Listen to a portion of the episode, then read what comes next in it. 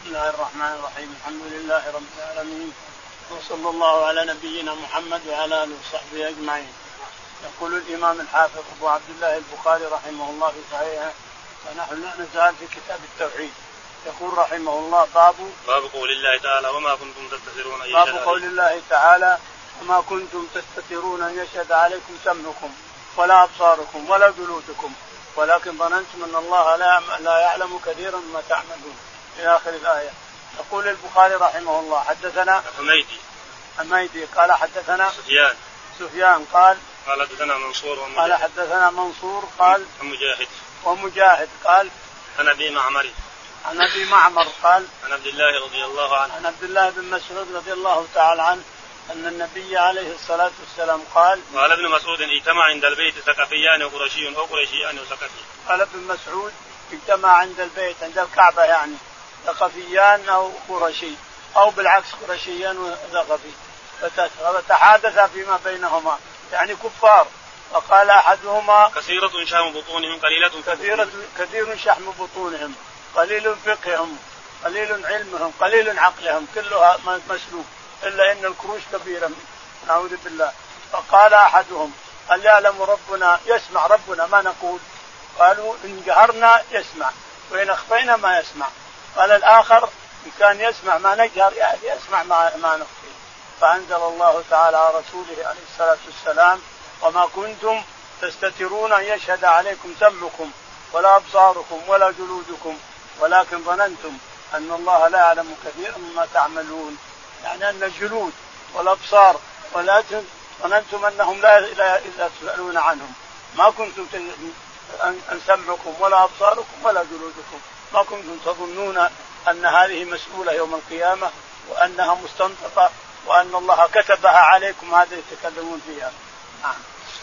باب قول الله تعالى كل يوم هو في شأن وما يأتيهم من ذكر من رب مهدث وقوله تعالى لعل الله يحدث بعد ذلك أمرا وأن حدثه لا يشبه حدث المخلوقين. لقوله تعالى ليس كمثله شيء وهو السميع البصير. وقال ابن مسعود عن النبي صلى الله عليه وسلم إن الله عز وجل يحدث من أمره ما يشاء وإن مما حدث ألا تكلموا في الصلاة. قال رحمه الله حدثنا علي بن عبد الله قال حدثنا حاتم بن وردان قال حدثنا أيوب عن عكرمة عن ابن عباس رضي الله عنهما قال كيف تسألون أهل الكتاب عن كتبهم؟ وعندكم كتاب الله أقرب الكتب أهدا بالله تقرؤونه مهدا لم يشب يقول البخاري رحمه الله حدثنا. باب قول الله تعالى كل يوم هو في شأن. باب قول الله تعالى كل يوم هو في شأن. لازم من الهمزة يا إخواني. كل يوم هو في شأن. ما تقرأها في شأن؟ فلا همزة لأن الشأن غير والشأن بالهمزة غير. كل يوم هو في شأن. يعني شأن من الشؤون وعمل من الأعمال تعالى وتقدس يقضيه بين عباده. أما إذا أهملت الهمزة قلت كل يوم هو في شأن يعني من الشينان هذا. ففرق بين الكلام هذا والكلام هذا. كل يوم هو في شأن. قال وقوله تعالى وما يأتيهم من ذكر من رب محدث. وقوله تعالى وما يأتيهم من ذكر من ربهم محدث. يعني حادث الكلام به الكلام به جديد. والإنزال جديد. الكلام كلام ربنا تعالى وتقدس جديد حادث جديد. والإنزال وإنزاله وإنزاله على الرسول عليه الصلاة والسلام جديد أيضا. وهو جديد الكلام القرآن جديد إنزاله الكلام به جديد إنزاله على الرسول عليه الصلاة والسلام. نعم. وقوله تعالى لعل الله يحدث بعد ذلك أمرا. وقوله تعالى لعل الله يحدث بعد ذلك أمرا. يعني إن حصل كذا ولا كذا ولا كذا فانت تلجا إلى الله تعالى وتقدس لعل الله يفرج الكرب يزيل الغم والهم ويجيب الفرج نعم. وأن حدثه لا يشبه حدث المخلوقين. وأن حدثه لا يشبه حدث المخلوقين. لقوله تعالى ليس كمثله شيء وهو السميع البصير. لقوله تعالى ليس كمثله شيء وهو السميع البصير سمعا يليق بجلاله وعظمته وبصرا يليق بجلاله وعظمته ليس كمثله شيء ما في شيء يشبهه تعالى وتقدس ليس كمثله شيء وهو السميع البصير. نعم. وقال ابن مسعود عن النبي صلى الله عليه وسلم إن الله عز وجل يحدث من أمره ما يشاء. وقال ابن مسعود أن النبي عليه الصلاة والسلام قال إن الله يحدث من أمره ما شاء. يعني يتصرف في ملكه كيف يشاء تعالى وتقدس يعز هذا ويذل هذا ويفقر هذا ويغني هذا وهذا يفعل وهذا كذا وهذا كذا. يتصرف في ملكه كيف شاء تعالى. وهو يحدث في أمره ما شاء. يعني كلامه حادث. كلامه تعالى كلامه حادث فيه الرد على المعتزلة والجهمية اللي يقول إن الله ما يتكلم وإنه يفيض فيض يفيض القرآن فيض يسمعه جبريل ويسمعه كذا إلى كله نعوذ بالله كفر خروج من الإسلام نعم. وإن مما أحدث الا تكلموا في الصلاة. وإن مما أحدثوا أن لا تكلموا في الصلاة كلام الناس ولو حرف واحد ما يجوز أن يتكلم الناس فلو أن الإمام سلم مثلا وقال واحد باقي ركع يا إمام. أو قال بطلت الصلاة كلها جميع الصلاة. لأن الله نهانا عن الكلام. كلام الناس في الصلاه يبطل الصلاة. نعم. قال حدثنا علي بن عبد الله. يقول البخاري رحمه الله حدثنا علي بن عبد الله.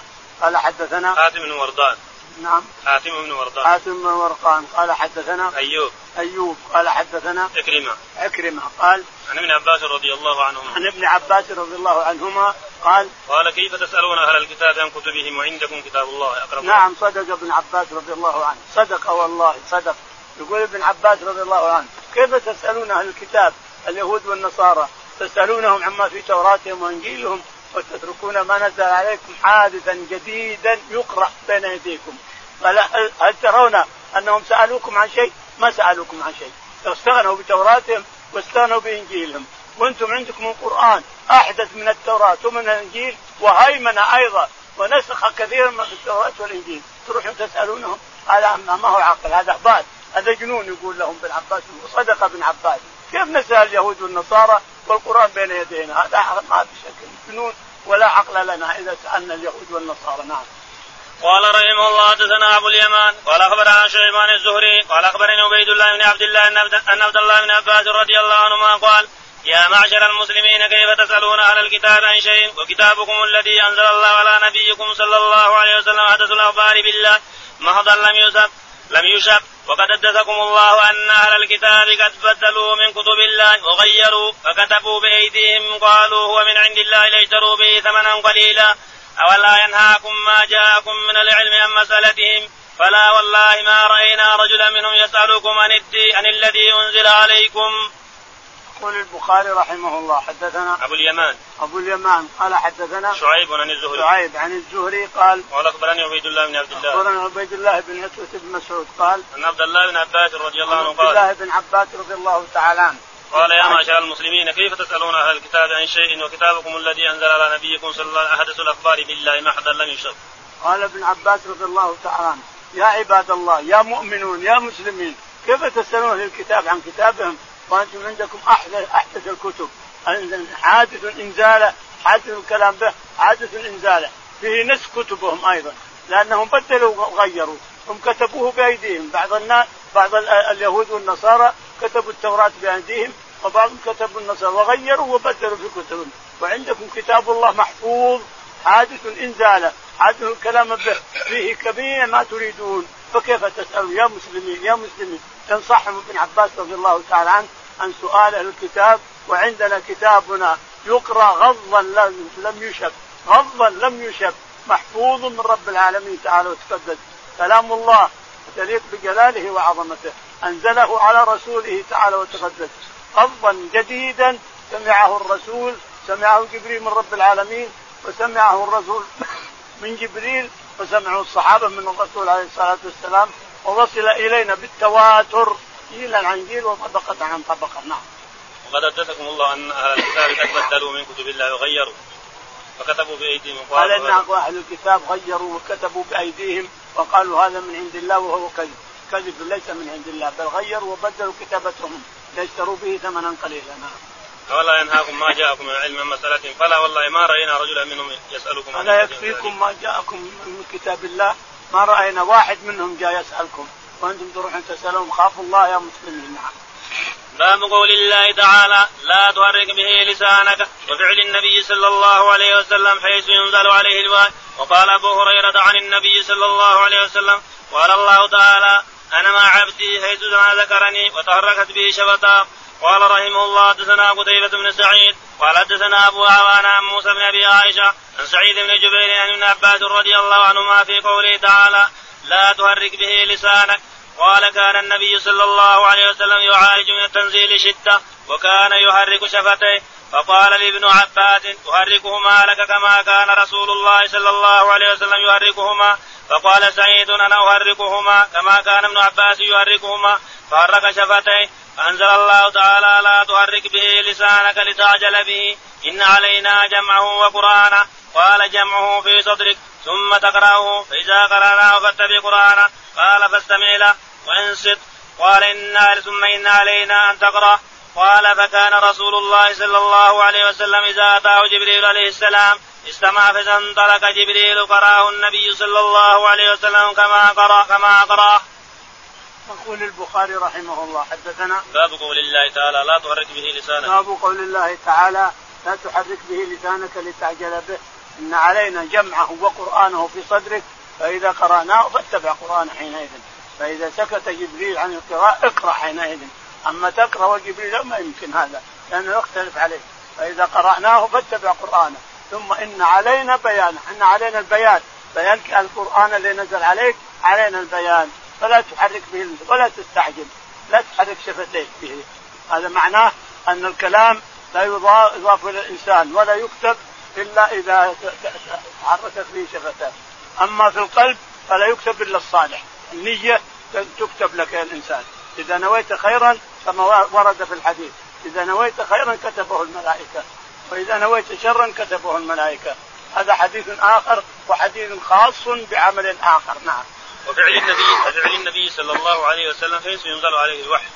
وفعل النبي عليه الصلاة والسلام حين ينزل عليه الوحي. كان يعالج جبريل.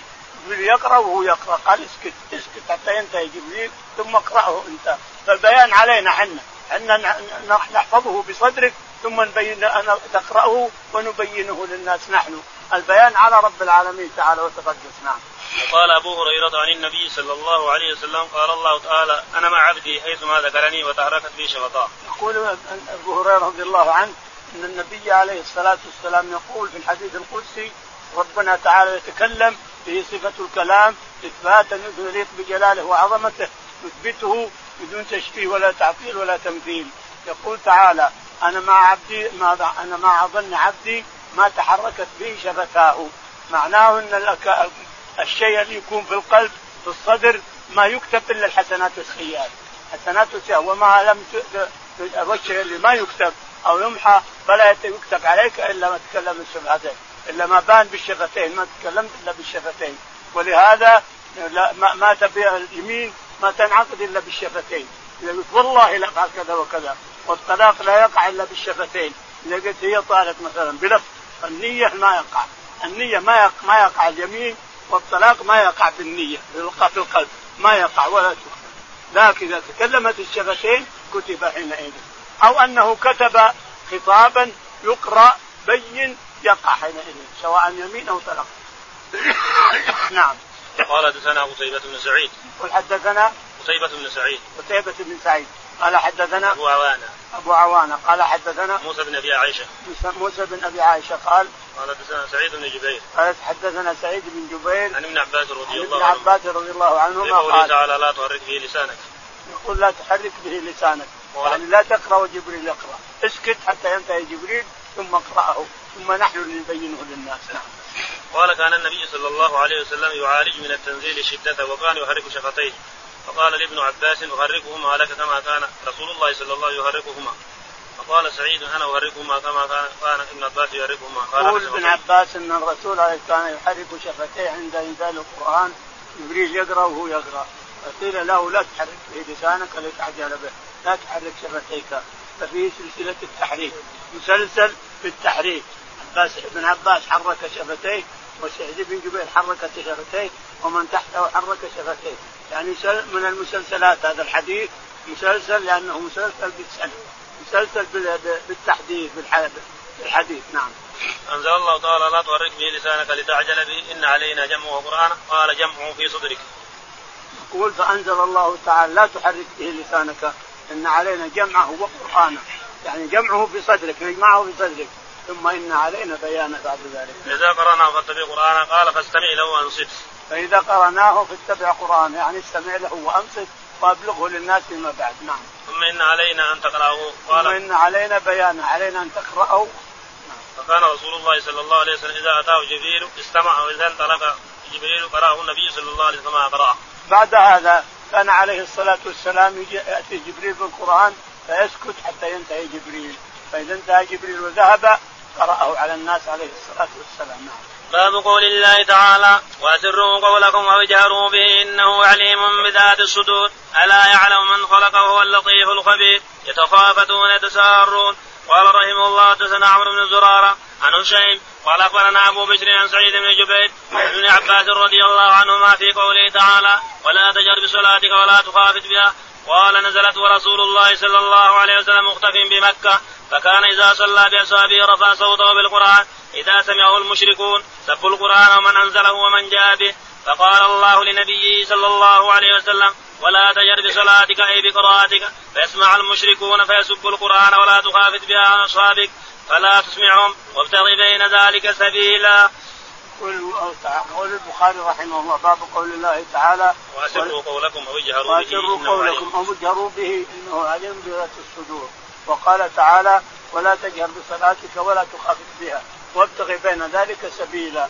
يعني لا تجهر بصلاتك الصلاة إذا قرأت في الصلاة فلا تجهر فيسمعه الكفار المشركون فيسبوا الله ويسبوا من أنزله القرآن ومن أنزله ومن جاء به. يسبوا القرآن ويسبوا الله تعالى ويسبوا من جاء به يعني القرآن الرسول عليه الصلاة والسلام. فلا تجهر فيسبوا الله والقرآن والرسول. ولا تخافت فلا تسمع أصحابك الذين يصلون معك. اجعل صوتك بين هذا وبين هذا. تسمع اللي يصلون معك ويقرؤون معك. ولا ولا تجهر بعد تسمع الكفار. الكفار ما يسمعون وصلاة وإخوانك اللي يصلون معك يسمعونك إلى آخره. يعني كان صوتك بين الاثنين بين الجهر جدا وبين الاخفات جدا بينهما نعم. قال حدثني عمرو بن زرارة. يقول البخاري حدثنا عمرو بن زرارة قال حدثنا هشيم هشيم بن بشير قال حدثنا أبو بشر أبو بشر جعفر بن أبي وحشية عن ابن عباس عن سعيد بن جبير عن ابن عباس رضي الله عنهما نعم. في قوله تعالى ولا ولا ولا تجهر بصلاتك ولا تخافت بها قال نزلت ورسول الله صلى الله عليه وسلم مختفي بمكه. يقول في قوله تعالى ولا تجهر بصلاتك ولا تخافت بها وابتغي بين ذلك سبيلا. يقول ابن عباس نزلت هذه والرسول مختف بمكة. نعم بين الركنين هناك مختفي قريش كلها تجتمع في هالناحية هذه. هذه يسمونه الندوة. مكان هذا يسمى ندوة قريش الندوة. فكان وكان الرسول يختفي وراء الركنين يصير وراء الركنين فيصلي على الكعبة ويصلي على الشام على القدس. حتى صرف عن القدس. وصارت الكعبة فقط. بس صارت القبلة الكعبة فقط. نعم. فكان إذا صلى باصحابه رفع صوته بالقران فإذا سمعه المشركون سبوا القرآن ومن أنزله ومن جاء به. فقال الله لنبيه صلى الله عليه وسلم لا تجهر بصلاتك ولا تجهر بصلاتك أي بقراءتك فيسمع المشركون. فيسب فيسب القرآن ولا تخالف بها عن اصحابك فلا تسمعهم وابتغ بين ذلك سبيلا.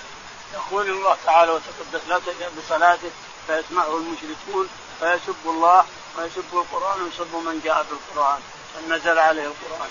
ولا تخافت ولا تسمع أصحابك ما تسمعهم إذا قرأ ولكن اجعل بين ذلك سبيلا. لا لا جهر كثير ولا إخفاء كثير. إلى اخره نعم. قال رحمه الله حدثنا عبيد بن إسماعيل قال حدثنا أبو أسامة عن هشام عن أبي عائشة رضي الله عنها قالت نزلت هذه الآية ولا تجهر بصلاتك ولا تخافت بها في الدعاء. يقول البخاري رحمه الله حدثنا عبيد بن إسماعيل. عبيد بن إسماعيل قال حدثنا أبو أسامة. أبو أسامة قال حدثنا هشام عن أبيه. هشام عن أبيه قال عن عائشة رضي الله عنها. عن عائشة رضي الله عنها قالت قالت نزلت هذه الآية ولا ولا تجهر بصلاتك ولا تخافت بها في الدعاء. تقول نزلت هذه عائشة تقول نزل قوله تعالى ولا تجهر بصلاتك ولا تخافت بها في الدعاء. يعني لا تجهر بالدعاء ولا تسر فيه. لا تجهر فيه ولا تسر فيه. اجعل دعاء اجعل دعاءك بين اثنين. قال حدثنا هذا رأي العائشة رضي الله عنها أنه نزل بهذه ولا تفسير ابن عباس أوضح. قال رحمه الله حدثنا اسحاق قال حدثنا أبو عاصم قال أخبرنا ابن جريج قال أخبرنا ابن شهاب عن أبي سلمة عن أبي هريرة رضي الله عنه قال قال رسول الله صلى الله عليه وسلم ليس منا من لم يتغن بالقرآن وداد غيره يجهر به. يقول البخاري رحمه الله حدثنا إسحاق. إسحاق قال حدثنا أبو عاصم. أبو عاصم النبيل قال قال أخبرنا ابن جريج. قال أخبرنا ابن جريج قال أخبرنا ابن شهاب. ابن شهاب قال عن أبي سلمة عن أبي هريرة. عن أبي سلمة بن عبد الرحمن عن أبي هريرة رضي الله عنه أن النبي عليه الصلاة والسلام قال ليس منا من لم يتغنى بالقرآن يعني يجهر به بصوت حلو. ما استطعت الإنسان يجهر بالقرآن إذا صرت وحدك ما هذه أحد.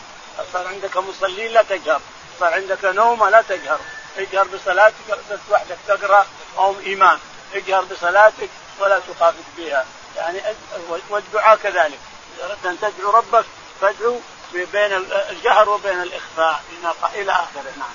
باب قول النبي صلى الله عليه وسلم رجل آتاه الله القرآن فهو يقوم به آناء الليل والنهار ورجل يقول ويقول ورجل يقول لو أوتيت مثل ما أوتي هذا فعلت كما يفعل. فبين الله أن قيامه بالكتاب وفعله. وقال من آياته خلق السماوات والأرض واختلاف ألسنتكم وألوانكم. وقال جل ذكره وافعلوا الخير لعلكم تفلحون قال رحمه الله حدثنا قتيبة قال حدثنا جرير عن الأعمش عن أبي صالح عن أبي هريرة رضي الله عنه. قال قال رسول الله صلى الله عليه وسلم لا تحاسد إلا في اثنتين رجل رجل آتاه الله القرآن فهو يتلوه آناء الليل وآناء النهار فهو يقول لو أوتيت مثل ما أوتي هذا لفعلت كما يفعل ورجل آتاه الله مالا فهو ينفقه في حقه فيقول لو أوتيت مثل ما أوتي عملت فيه مثل ما يعمل. يقول البخاري رحمه الله باب قول الله وللنبي صلى الله عليه وسلم رجل آتاه الله القرآن فهو يقوم به أنا الليل. يقول النبي عليه الصلاة والسلام رجل آتاه الله القرآن فهو يتلوه أنا أنا يقوم به اناء الليل واناء النهار يقوم به اناء الليل واناء النهار يعني يتلو القرآن سواء حفظا أو بالمصحف. يتلو القرآن. اناء الليل واناء النهار. لأن الساعات كلها تقضيها بتلاوة القرآن. وهو افضل شيء يعمل به الإنسان. أفضل العبادات كلها. كلام الله تعالى وتقدس. إذا قرأته الإنسان سواء بالمصحف من حافظ أو على صدرك إن كنت حافظ. كل واحد. أجرك على الله تعالى وتقدس. نعم. ورجل يقول لو أوتيت مثل ما أوتي هذا فعلت كما يفعل. عاد هذا الرجل الذي يقرأ القرآن آناء الليل وأطراف النهار يقول آخر عنده يا ليتني أفعل مثل هذا لو لو فعلت مثل فعل هذا فأجرهما سواء دون أن ينقص من اجر أحدهما شيئا. فبين الله أن قيامه بالكتاب هو فعله. فبين الله أن قيامه بالكتاب وهو فعل رب العالمين تعالى وتقدس وقيامه هو الذي يسر قيامه للرسول عليه الصلاة والسلام نعم. وقال ومن آياته خلق السماوات والأرض واختلاف السنتكم والوانكم. وقال تعالى ومن اياته اختلاف الله. خلق السماوات والأرض. خلق السماوات والأرض. واختلاف ألسنتكم وألوانكم. هذا من آيات الله. التي تجعل المسلم يؤمن. الذي تجعل الكفار يؤمنون. الكافر لو إذا كان له عقل يؤمن. لأن الله خلقنا. واختلاف الليل. واختلاف الألسنة. واختلاف الألفاظ. واختلاف الأجساد. واختلاف كل شيء. كل هذا خلق الله تعالى وتقدس وأمره. نعم. وقال جل ذكره وافعلوا الخير لعلكم تفلحون. وقال تعالى وافعلوا الخير لعلكم تفلحون. افعلوا الخير مهما كان. بيبان الخير مفتوحة. افعلوا الخير لعلكم تفلحون. عند الله نعم. قال حدثنا قتيبة يقول البخاري حدثنا قتيبة. قال حدثنا جرير عن الأعمش. جرير عن الأعمش. قال حدثنا أبو صالح عن أبي هريرة. أبو صالح عن أبي هريرة رضي الله عنه. قال قال رسول الله صلى الله عليه وسلم لا تحاسد إلا اثنتين. يقول الرسول عليه الصلاة والسلام لا تحاسد إلا في اثنتين يعني حسد شر. الحسد شر يعود عليك بالشر يا الإنسان. إذا حتى حسدت أخاك المسلم في سيارة في بيت في جسمه في كذا هذا بالله شر عليك الإنسان. يجني عليك شر وتدخل جهنم بسببه. لكن الحسد الذي تحمد عليه ولك أجر فيه هو أن ترى إنسان يقرأ القرآن وتتمنى أن تكون مثله فلك منه. فلهذا قال الرسول عليه الصلاة والسلام لا حسد يعني محمود لا حسد محمود إلا في اثنتين. رجل آتاه الله القرآن فهو يقرأ اناء الليل وأطراف النهار. فيأتي آخر يقول ليتني مثل هذا أقرأ القرآن مثل ما يقرأه. فأجرهما سواء. ورجل يتصدق بماله. يتصدق ياتي هذا ياتي هذا. فيجي الثاني يقول ليتني عندي مال مثل هذا لا تصدق مثل هذا. فاجرهما سواء. هذا الحسد محمود وما عدا كله شر. قال رحمه الله حدثنا علي بن عبد الله ولا حدثنا سفيان ولا الزهري عن سالم عن عن النبي صلى الله عليه وسلم قال لا حسد إلا في اثنتين رجل آتاه الله القرآن فهو يتلوه اناء الليل واناء النهار ورجل آتاه الله مالا فهو ينفقه اناء الليل واناء النهار. سمعت سفيان مرارا لم اسمعه يذكر الخبر وهو من صحيح حديثه. يقول البخاري رحمه الله حدثنا علي بن عبد الله. علي بن عبد الله قال حدثنا سفيان بن عيينة. سفيان بن عيينة قال قال حدثنا الزهري. ابن الزهري قال عن سالم عن أبيه. عن سالم عن ابي عبد الله قال عن النبي صلى الله عليه وسلم عن قال النبي عليه الصلاة والسلام أنه قال لا حسد إلا في اثنتين. رجل آتاه الله القرآن لا حسد إلا في اثنتين. رجل آتاه الله القرآن ويقرأه آناء الليل وأطراف النهار. ورجل آتاه الله مال ويتصدق به آناء الليل وأطراف النهار. فيجي أي واحد منهم يشوف القارئ يقول ليتني مثله والثاني يشوف المصدق يقول ليتني مثله فأجرهما سواء. نعم. قال قال علي بن عبد الله سمعت سفيان مرارا. يقول علي بن عبد الله المديني شيخ البخاري سمعت سفيان بن عيينة يقول مرارا لم أسمعه يذكر الخبر. سمعت سفيان مرارا سمعت مرارا. لم أسمعه يذكر الخبر. نعم. وهو من صحيح حديثه. وهو من صحيح حديثه. إذا نسي الإنسان ينسى. يقرأ البخاري وينسى بعض المرات. ينسى يقول هذا الحديث مر علينا في البخاري نعم مر علينا. لكن ينسى يقول أنا ما ما أدري نسيت. ينسى. الإنسان بشر. ينسى ويحفظ غيره. لكن السعيد الذي يحفظ ما يقرأ عليه. اللي يحفظ ما يقرأ عليه. وإن كان الإنسان بشر ينسى على كل حال. نعم. باب باب قول الله تعالى يا أيها الرسول بلغ ما أنزل إليك من ربك وإن لم تفعل فما بلغت رسالاته. وقال الزهري من الله عز وجل الرسالة وعلى رسوله صلى الله عليه وسلم البلاغ وعلينا التسليم وقال ليعلم أن قد أبلغوا رسالات ربهم وقال تعالى أبلغهم رسالات ربي وقال كعب بن مالك حين تخلف عن النبي صلى الله عليه وسلم وسير الله عملكم ورسوله وقالت عائشة إذا أعجبك حسن عمل امرئ فقل اعملوا فسيرى الله عملكم ورسوله والمؤمنون ولا يستخفنك أحد. وقال مامر ذلك الكتاب هذا القرآن هدى للمتقين بيان ودلالة. كقوله تعالى ذلكم حكم الله هذا حكم الله. لا ريب لا شك تلك آيات الله يعني هذه أعلام القرآن. ومثله حتى إذا كنتم في الفلك وجرين بهم يعني بكم. وقال أنس بعث النبي صلى الله عليه وسلم قال وحراما إلى قومه. وقال أتؤمنوني؟ أبلغ رسالة رسول الله صلى الله عليه وسلم فجعل يحدثهم. قال رحمه الله حدثنا الفضل بن يعقوب قال حدثنا عبد الله بن جعفر الركي قال حدثنا المؤتمن بن سليمان قال حدثنا سعيد بن عبد الله الثقفي قال حدثنا بكر بن عبد الله المزني وزياد بن جبير بن حية عن جبير بن حية قال المغيرة أخبرنا نبينا صلى الله عليه وسلم عن رسالة ربنا أنه من قتل منا صار إلى الجنة. يقول البخاري رحمه الله حدثنا باب قول الله تعالى يا أيها الرسول بلغ ما أنزل إليك. باب قول الله تعالى يا أيها الرسول بلغ, بلغ ما أنزل إليك. وإن لم تفعل فما بلغت رسالاته. تقرأ رسالاته وتقرأ رسالته. فإن لم تفعل فما بلغت رسالته. وإن قرأته ورسالاته كلها مقروء قراءتين. يقول وقال الزهري من الله عز وجل الرسالة وعلى رسوله صلى الله عليه وسلم وعلينا التسليم. يقول الزهري إن الرسول عليه الصلاة والسلام عليه البلاغ وعلينا التبليغ، الرسول مبلغ فقط عليه البلاغ للناس. وربنا تعالى هو اللي يبين الشيء يبين هذه الآيات يبين هذه الأحكام. رب العالمين. نعم. وقال ليعلم أن قد أبلغوا رسالات ربهم. وقال ليعلم أن قد أبلغوا رسالات ربهم. الأنبياء؟ ليعلم الله تعالى وتقدس. هل أبلغوا رسالات ربهم لما أرسلهم؟ أبلغوا رسالات ربهم يعلم ربنا؟ نعم يعلم. يعلم ولكنه يمتحن الناس نعم. وقال تعالى أبلغهم رسالات ربي. وقال تعالى أبلغهم رسالات ربك نعم. وقال كعب بن مالك حين تخلف عن النبي صلى الله عليه وسلم وسيرى الله عملكم ورسوله.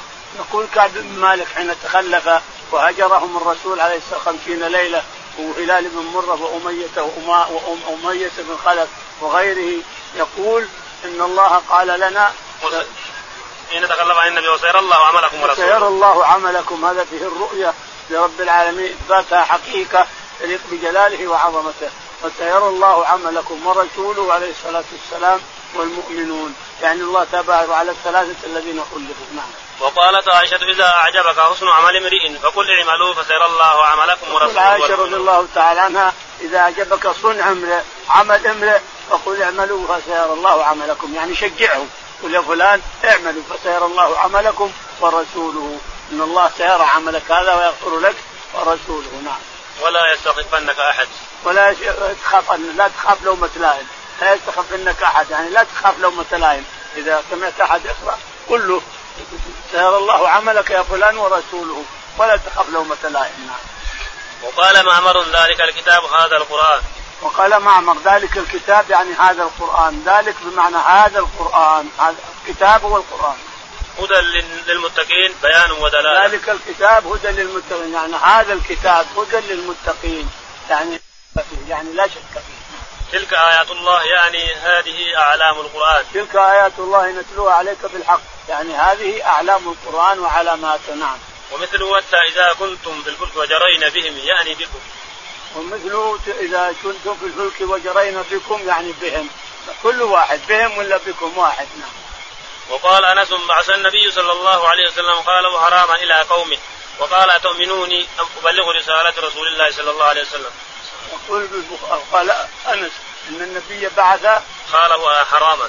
إن النبي قال أنس بعث النبي صلى الله عليه وسلم قال هو حراما إلى قومه. قاله حرام حرام بن أنس بن النضر بعثه إلى قومه وقال هل تأمنوا تؤمنوني أن أبلغ رسالات ربي يعني أنا جئتكم من عند الرسول فلازم أبلغ رساله الرسول عليه الصلاة والسلام. فجعل يهدثهم.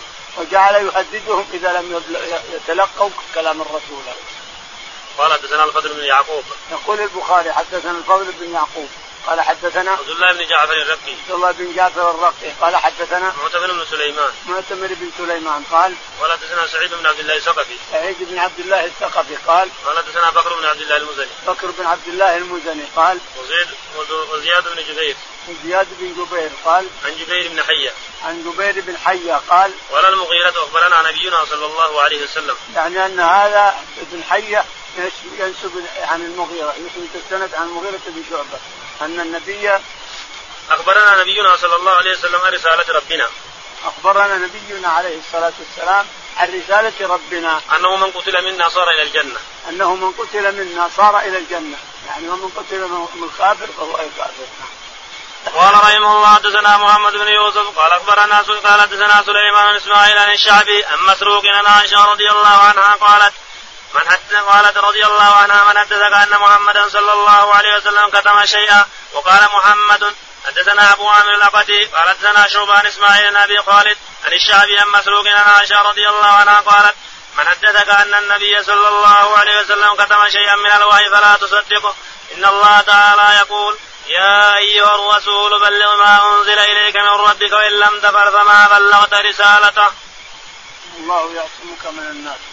يقول البخاري رحمه الله حدثنا محمد بن يوسف. محمد بن يوسف قال حدثنا سفيان. سفيان بن عيينة قال حدثنا إسماعيل عن الشعبي. إسماعيل عن الشعبي قال عن مسروق عن عائشة رضي الله عنها. عن مسروق عن عائشة رضي الله عنها قالت من حدثك أن الرسول نعم. أن محمدا صلى الله عليه وسلم كتم شيئا. أن محمدا عليه الصلاة والسلام كتم شيئا. ثم حول السند وقال محمد. ثم حول السند وقال وقال محمد. قال حدثنا أبو عامر العقدي حدثنا أبو عامر العقدي قال قال حدثنا شعبة عن إسماعيل بن أبي خالد. عن إسماعيل بن أبي خالد قال عن الشعبي عن مسروق. عن الشعبي عن مسروق عن عائشة رضي الله عنها قالت من حدثك أن النبي صلى الله عليه وسلم كتم شيئا من الوحي فلا تصدقه. قالت من كان من حدثك أن الرسول عليه الصلاة والسلام كتم شيئا من الوحي فلا تصدقه. نعم ما نصدقه بل نضرب بكلامه الحائط بل نكفي بوجهه بل نعطيه كف ما الرسول ما كتم شيء اطلاقا عليه. نؤمن بذلك ونصدق بذلك ونلاقي ربنا بذلك. أن الرسول ما كتم شيء. نعم. إن الله تعالى يقول يا أيها الرسول بلغ ما أنزل إليك من ربك وإن لم تفعل فما بلغت رسالته. لأن الله يقول يا أيها النبي بلغ ما أنزل إليك من ربك وإن لم تفعل فما بلغت رسالته. لكن الله يعصمك من الناس. يعني انت بلغ والله الذي يعصمك من الناس. نعم. قال رحمه الله حدثنا سعيد قال حدثنا قتيبة بن سعيد قال حدثنا جرير عن الأعمش عن أبي وائل عن عمرو بن شراديل قال قال عبد الله قال رجل يا رسول الله الذنب أكبر عند الله تعالى قال أن تدعو لله ندا وهو خلقك قال ثم أي قال ثم أن تقتل ولدك أن يطعم معك قال ثم أي قال أن تزاني هليلة جارك فأنزل الله تصديقها والذين لا يدعون مع الله إلها آخر ولا يقتلون النفس التي حرم الله إلا بالحق ولا يزنون ومن يفعل ذلك يلقى أثاما يضاعف له العذاب الآية. يقول البخاري رحمه الله حدثنا قتيبة بن سعيد قتيبة بن سعيد الثقفي قال حدثنا جرير عن الأعمش. جرير عن الأعمش قال عن أبي وائل عن عمرو بن عن أبي شرابيل. وائل عن عمرو بن شرابيل. بن شرحبيل قال قال قال عبد الله قال رجل يا رسول الله اي الذنب اكبر عند الله. يقول إن عبد الله بن مسعود رضي الله تعالى عنه قال رجل للرسول عليه الصلاة والسلام أي الذنب أكبر عند الله؟ قال أن تشرك بالله أن تدعو لله ندا وهو خلقك. تشرك بالله وهو الذي خلقك. كيف تشرك بربك وهو الذي خلقك؟ هذا عيب نعم. قال ثم اي ثم اي قال ثم أن تقتل ولدك أن يطعم معك. قال ثم أن تقتل ولدك خشية أن يطعم معك. تقتل الولد لا لا يأكل معك ويشرب معك. قال ثم اي قال أن تزاني حليلة جارك. قال ان تزاني بحليلة جارك. لأنه ميسر للإنسان. يشوفها طالعة راجل. فالزنا بحليلة الجار أكبر من أكبر من الكبائر. أنزل الله تصديقها والذين لا يدعون مع الله إلها آخر ولا يقتلون النفس التي حرم الله إلا بالحق ولا يزنون من يفعل ذلك يلقى اثاما. فأنزل الله تصديق ذلك في سورة تبارك في سورة الفرقان. الذين لا يدعون. مع الله إلها آخر ولا يقتلون النفس التي حرم الله إلا بالحق ولا يزنون. ومن يفعل ذلك يلقى أثاما يضاعف له العذاب يوم القيامة ويخلد فيه مهانا إلا من تاب وآمن وعمل عملا فأولئك يدخل الجنة إلى قوله مآبا نعم أو متابا. باب قول الله تعالى قل فأتوا بالتوراة فاتلوها وقول النبي صلى الله عليه وسلم أعطي أهل التوراة التوراة فعملوا بها وأعطي أهل الإنجيل الإنجيل فعملوا به وأعطيتم القرآن فعملتم به. وقال أبو رزين يتلونه يتبعونه ويعملون به حق عمله. يقال يتلى يقرأ. حسن التلاوة حسن القراءة للقرآن لا يمسه لا يجوز طعمه ونفعه إلا من آمن بالقرآن ولا يحمله بحقه إلا الموقن لقوله تعالى مثل الذين حملوا التوراة ثم لم يحملوها كمثل الحمار يحمل أسفارا بئس مثل القوم الذين كذبوا بآيات الله والله لا يهدي القوم الظالمين. وسمى النبي صلى الله عليه وسلم الإسلام والإيمان عملا. قال أبو هريرة قال النبي صلى الله عليه وسلم لبلال أخبرني بأرجى عمل عملته في الإسلام. قال ما عملت عملا أرجى عندي أني لم أتطهر إلا صليت وسئل أي العمل أفضل. قال إيمان بالله ورسوله ثم الجهاد ثم حج مبرور. قال رحمه الله حدثنا عبدان قال أخبرنا عبد الله قال أخبرنا يونس عن الزهري قال أخبرني سالم عن ابن عمر أن رسول الله صلى الله عليه وسلم قال إنما بقاؤكم في من سلف من الأمم كما بين صلاة العصر إلى غروب الشمس. أوتي أهل التوراة التوراة فعملوا بها حتى انتصف النهار. ثم عجزوا فأوتوا قيراطا قيراطا. ثم أوتي أهل الإنجيل الانجيل فعملوا به حتى صليت العصر. ثم عجزوا فأوتوا قيراطا قيراطا. ثم أوتيتم القرآن فعملتم به حتى غربت الشمس. فأعطيتم قيراطين قيراطين. فقال أهل الكتاب هؤلاء أقل منا عملا وأكثر أجرا. قال الله هل ظلمتكم من حقكم شيئا؟ قالوا لا قال فهو فضلي أوتيه من أشاء. سبحانه وتعالى ونشكر ربنا تعالى وتقدم. حدثنا باب قول الله تعالى. باب قول الله تعالى. قل فأتوا بالتوراة فاتلوها. قل فأتوا بالتوراة فاتلوها إن كنتم صادقين. يقول لرسوله عليه الصلاة والسلام يا محمد قل اليهود كل اليهود والنصارى آتوا التوراة والإنجيل نقرأها عليهم. اقروها إن كنتم صادقين. نشوف أنتم صادقين بما تقولون ولا كتبتوها بيديكم. غالب الكتب التوراة كتبوها بيديهم يقولون هذا من عند الله وهم كذبة. نعم. وقول النبي صلى الله عليه وسلم أعطي أهل التوراة التوراة فعملوا بها وأعطي أهل الإنجيل الإنجيل فعملوا به وأعطيتم القرآن فعملتم به. يقول الرسول عليه الصلاة والسلام أوتي أهل التوراة التوراة فعملوا به إلى الظهر ثم أوتي الإنجيل الإنجيل فعملوا به إلى العصر ثم أوتيتم القرآن يا أمة محمد فعملتم إلى المغرب. فأعطى الله تعالى وتقدس قيراطين قيراطين فاحتج اليهود والنصارى على ربنا. يا ربنا كيف إحنا نعمل أكثر من الصبح إلى الظهر؟ تعطينا قراط واحد. وهذول من الظهر إلى العصر تعطيهم قراط واحد. وهؤلاء من العصر إلى المغرب أقل عمل وتعطيهم قراطين قراطين. فقال الله تعالى وتقدس لهم هذا فيه إثبات القول لرب العالمين. في إثبات الكلام والقول لرب العالمين. قولا يليق بجلاله وعظمته. من تشبيه ولا تعطيل ولا تمثيل فقال الله لهم هل ظلمتكم شيء؟ أنا ما أعطيتكم حقكم. قالوا لا ما ظلمتنا شيء. قال هذا فضلي اؤتيه من أشاء. هذا فضلي أتكرم به واجود به على من أشاء تعالى وتقدس. نعم. وقال أبو رزين يتلونه ويتبعونه ويعملون به وقال أبو رزين يتلونه يعني يعملون به يقرؤونه. يتلون يعني يقرؤونه ويعملون به. لابد من العمل ولا ما يسمى قرأ. تقرأ وأنت ما تعمل ما يصلح. نعم. يقال يتلى يقرأ. يقال يتلى يعني يقرأ. نعم. حسن التلاوة حسن القراءة بالقرآن. فلان حسن التلاوة يعني حسن الصوت بالقرآن حسن القراءة نعم. لا يمسه لا يجد طعمه ونفعه. لا يمسه إلا المطهرون. إلا من آمن بالقرآن. إلا من آمن لا يمسه إلا المطهرون يعني لا يجدون نفعه ولا ثمرته إلا لمن آمن به. تتلو القرآن ما, ما ينفعك نعم. ولا يحمله بحقه إلا الموقن. ولا يعمل بحقه إلا المؤمن الموقن المتوكل على الله. نعم. لقوله تعالى مثل الذين حملوا التوراة ثم لم يحملوها كمثل الحمار يحمل اسفارا. والدليل والدليل قوله تعالى الا كمثل الحمار يحمل أسفارا. يعني الحمار عليه كتب ما يدري وش فيها. فهؤلاء أهل التوراة والإنجيل مثل اليهود والنصارى مثل الحمار اللي على ظهره كتب ما يدري وش فيه. هؤلاء ما يدرون وش الكتب اللي بينهم. لا يقرؤون ولا يدرون وش الكتب اللي يقرؤون نعم. بئس مثل القوم الذين كذبوا بآيات الله والله لا يهدي القوم الظالمين. بئس مثل القوم الذين كذبوا بآيات الله والله لا يهدي القوم الظالمين نعم. وسمى النبي صلى الله عليه وسلم الإسلام والإيمان عملا. وسمى النبي عليه الصلاة والسلام الإسلام والإيمان عمل يعني وين كان في القلب هي الإسلام بالقلب والعمل بالقلب فهو عمل سماه عمل الرسول عليه الصلاة والسلام الإسلام عمل والإيمان عمل لا شك في هذا نعم. قال أبو هريرة رضي الله عنه قال النبي صلى الله عليه وسلم بلال أخبرني بأرجى عمل عملته في الإسلام قال ما عملت عملا أرجى عندي أني لم أتطهر إلا صليت. يقول أبو هريرة رضي الله عنه إن النبي عليه الصلاة والسلام رأى بلال بالجنة في قصر عند قصر بالجنة قال يا بلال رأيتك في الجنة فما الذي تعمل حتى وصلت إلى هذه الموصلة؟ أعطيك قصر أعطيك قصر في الجنة وأنت حي بين ما الذي تعمل؟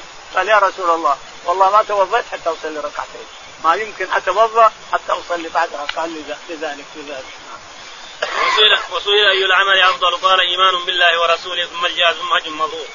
وسئل أي العمل أفضل؟ قال إيمان بالله ورسوله ثم الجهاد في سبيله وحج مبرور أسأل الله نعم. قال حدثنا عبدان.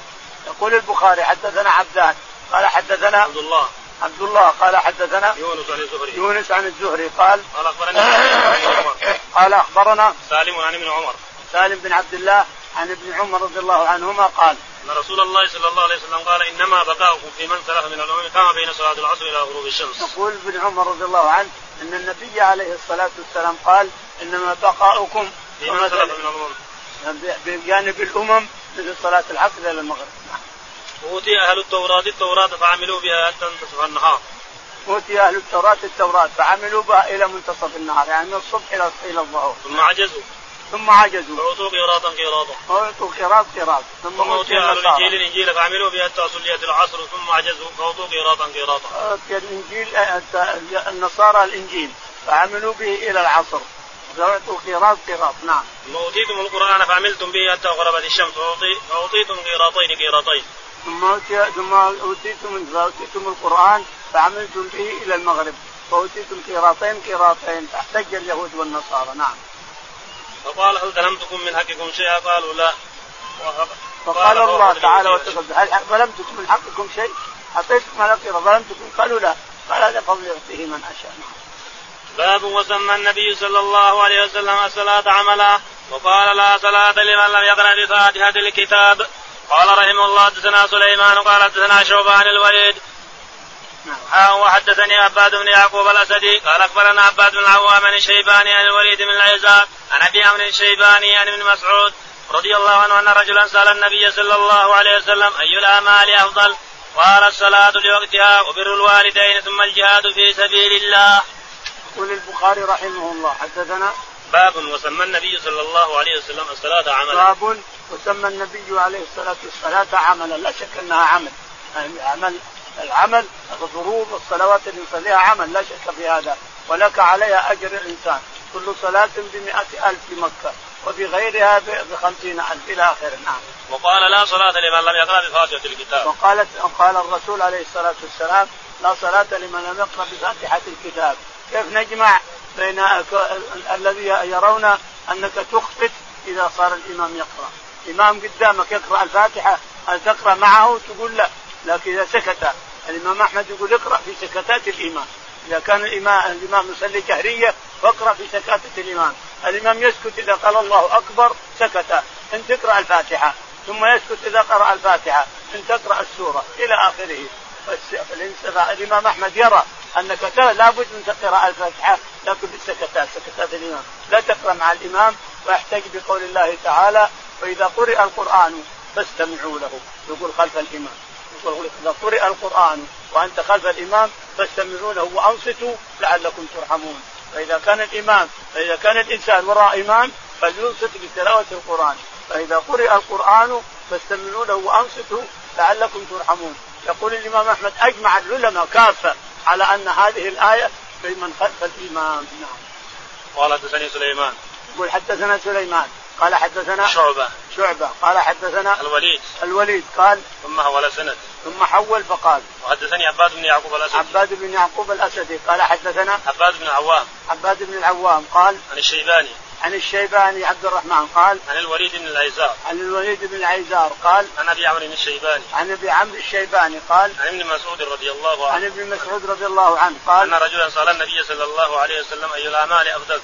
أن رجلا سأل النبي عليه الصلاة والسلام أي الأعمال أفضل؟ قال قال الصلاة لوقتها. الصلاة لوقتها يعني وبر الوالدين. يعني لأول الوقت لأن اول أول الوقت رضوان ووسطه رحمة وآخره غفران. والغفران لا يكون إلا من ذنب. أول الوقت صلاه الصلاة أول الوقت رضوان الله تعالى وتقدس ووسطه رحمة. وآخره غفران. والغفران لا يكون إلا من ذنب.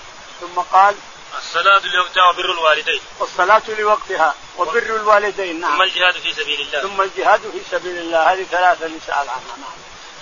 باب قول الله تعالى إن الإنسان خلق هلوعا ضجورا إذا مسه الشر جزوعا وإذا مسه الخير منوعا. هلوعا ضجورا. قال رحمه الله حدثنا أبو النعمان. قال حدثنا جرير بن حازم عن الحسن. قال حدثنا عمرو بن تغلب قال أتى النبي صلى الله عليه وسلم مال فأعطى قوما ومنع آخرين فبلغه أنهم عتبوا فقال إني أعطي الرجل وادعو الرجل والذي أدعو أحق إلي من الذي يعطي أعطي أقواما لما في قلوبهم من الجزع والهلع وأكلوا أقواما إلى ما جعل الله في قلوبهم من الغنى والخير. منهم أمر بن تغلب. فقال عمرو ما أحب أن لي بكلمة رسول رسول الله صلى الله عليه وسلم امرا نعم. يقول البخاري رحمه الله. حدثنا باب قول الله تعالى إن الإنسان خلق هلوعا. باب قول الله تعالى إن الإنسان خلق هلوعا يعني جزوع ضجور يضجر يضجر إن الإنسان خلق هلوعا ضجور مرة واحدة. كل شيء يحمله كل شيء يجيه يضايقه يضجر. إن الإنسان خلق هلوعا يعني ضجورا. إذا مسه الخير منوعا وإن مسه الشر جزوعا إلا المصلين. نعم. قال حدثنا أبو النعمان. قال حدثنا أبو النعمان عارم محمد بن الفضل قال حدثنا جرير بن حازم. جرير بن حازم. قال حدثنا الحسن. الحسن قال قال حدثنا عمرو بن تغلب قال حدثنا عمرو بن تغلب رضي الله عنه وأرضاه أن النبي عليه الصلاة والسلام خطب خطبة على المنبر فقال اتى النبي صلى الله عليه وسلم مال فأعطى أقواما ومنع آخرين. يقول الحسن أتى النبي عليه الصلاة والسلام مال وفرق به على ناس كثير وترك آخرين فعتب الناس. كيف يعطي هذا؟ ويعطي هذا ويتركنا حنا. فقام خطيبا عليه الصلاة والسلام فقال إني أعطي اناسا أتألفهم. الناس قليل قليل إيمانهم وقليل اسلامه وربما يرتد بعد. فأعطيه علشان اتالفه لعله يسلم ويسلم من وراءه اذا كان له قوم. هو يسلم ويسلم من وراءه. وأكل أناسا إلى ما فيهم من الخير وفيهم من الإيمان الراسخ منهم عمرو عمرو بن تغلب رضي الله عنه وأرضاه. يقول عمرو والله لكلمة الرسول عليه الصلاة والسلام أحب إلي مما في الأرض من حمر النعم. يعني الإبل والبقر والغنم كل حمراء أحب كلمة الرسول أحب إلي مما في الأرض من حمر النعم عمرو بن تغلب رضي الله عنه وأرضاه. نعم شهد الرسول جهارا لعمرو بن تغلب بالإيمان والتقوى. بس كذا اللهم اهدنا فيمن هديت. وعافنا فيمن عافيت. وتولنا فيمن توليت. اللهم توفنا مسلمين. والحقنا بالصالحين يا رب العالمين.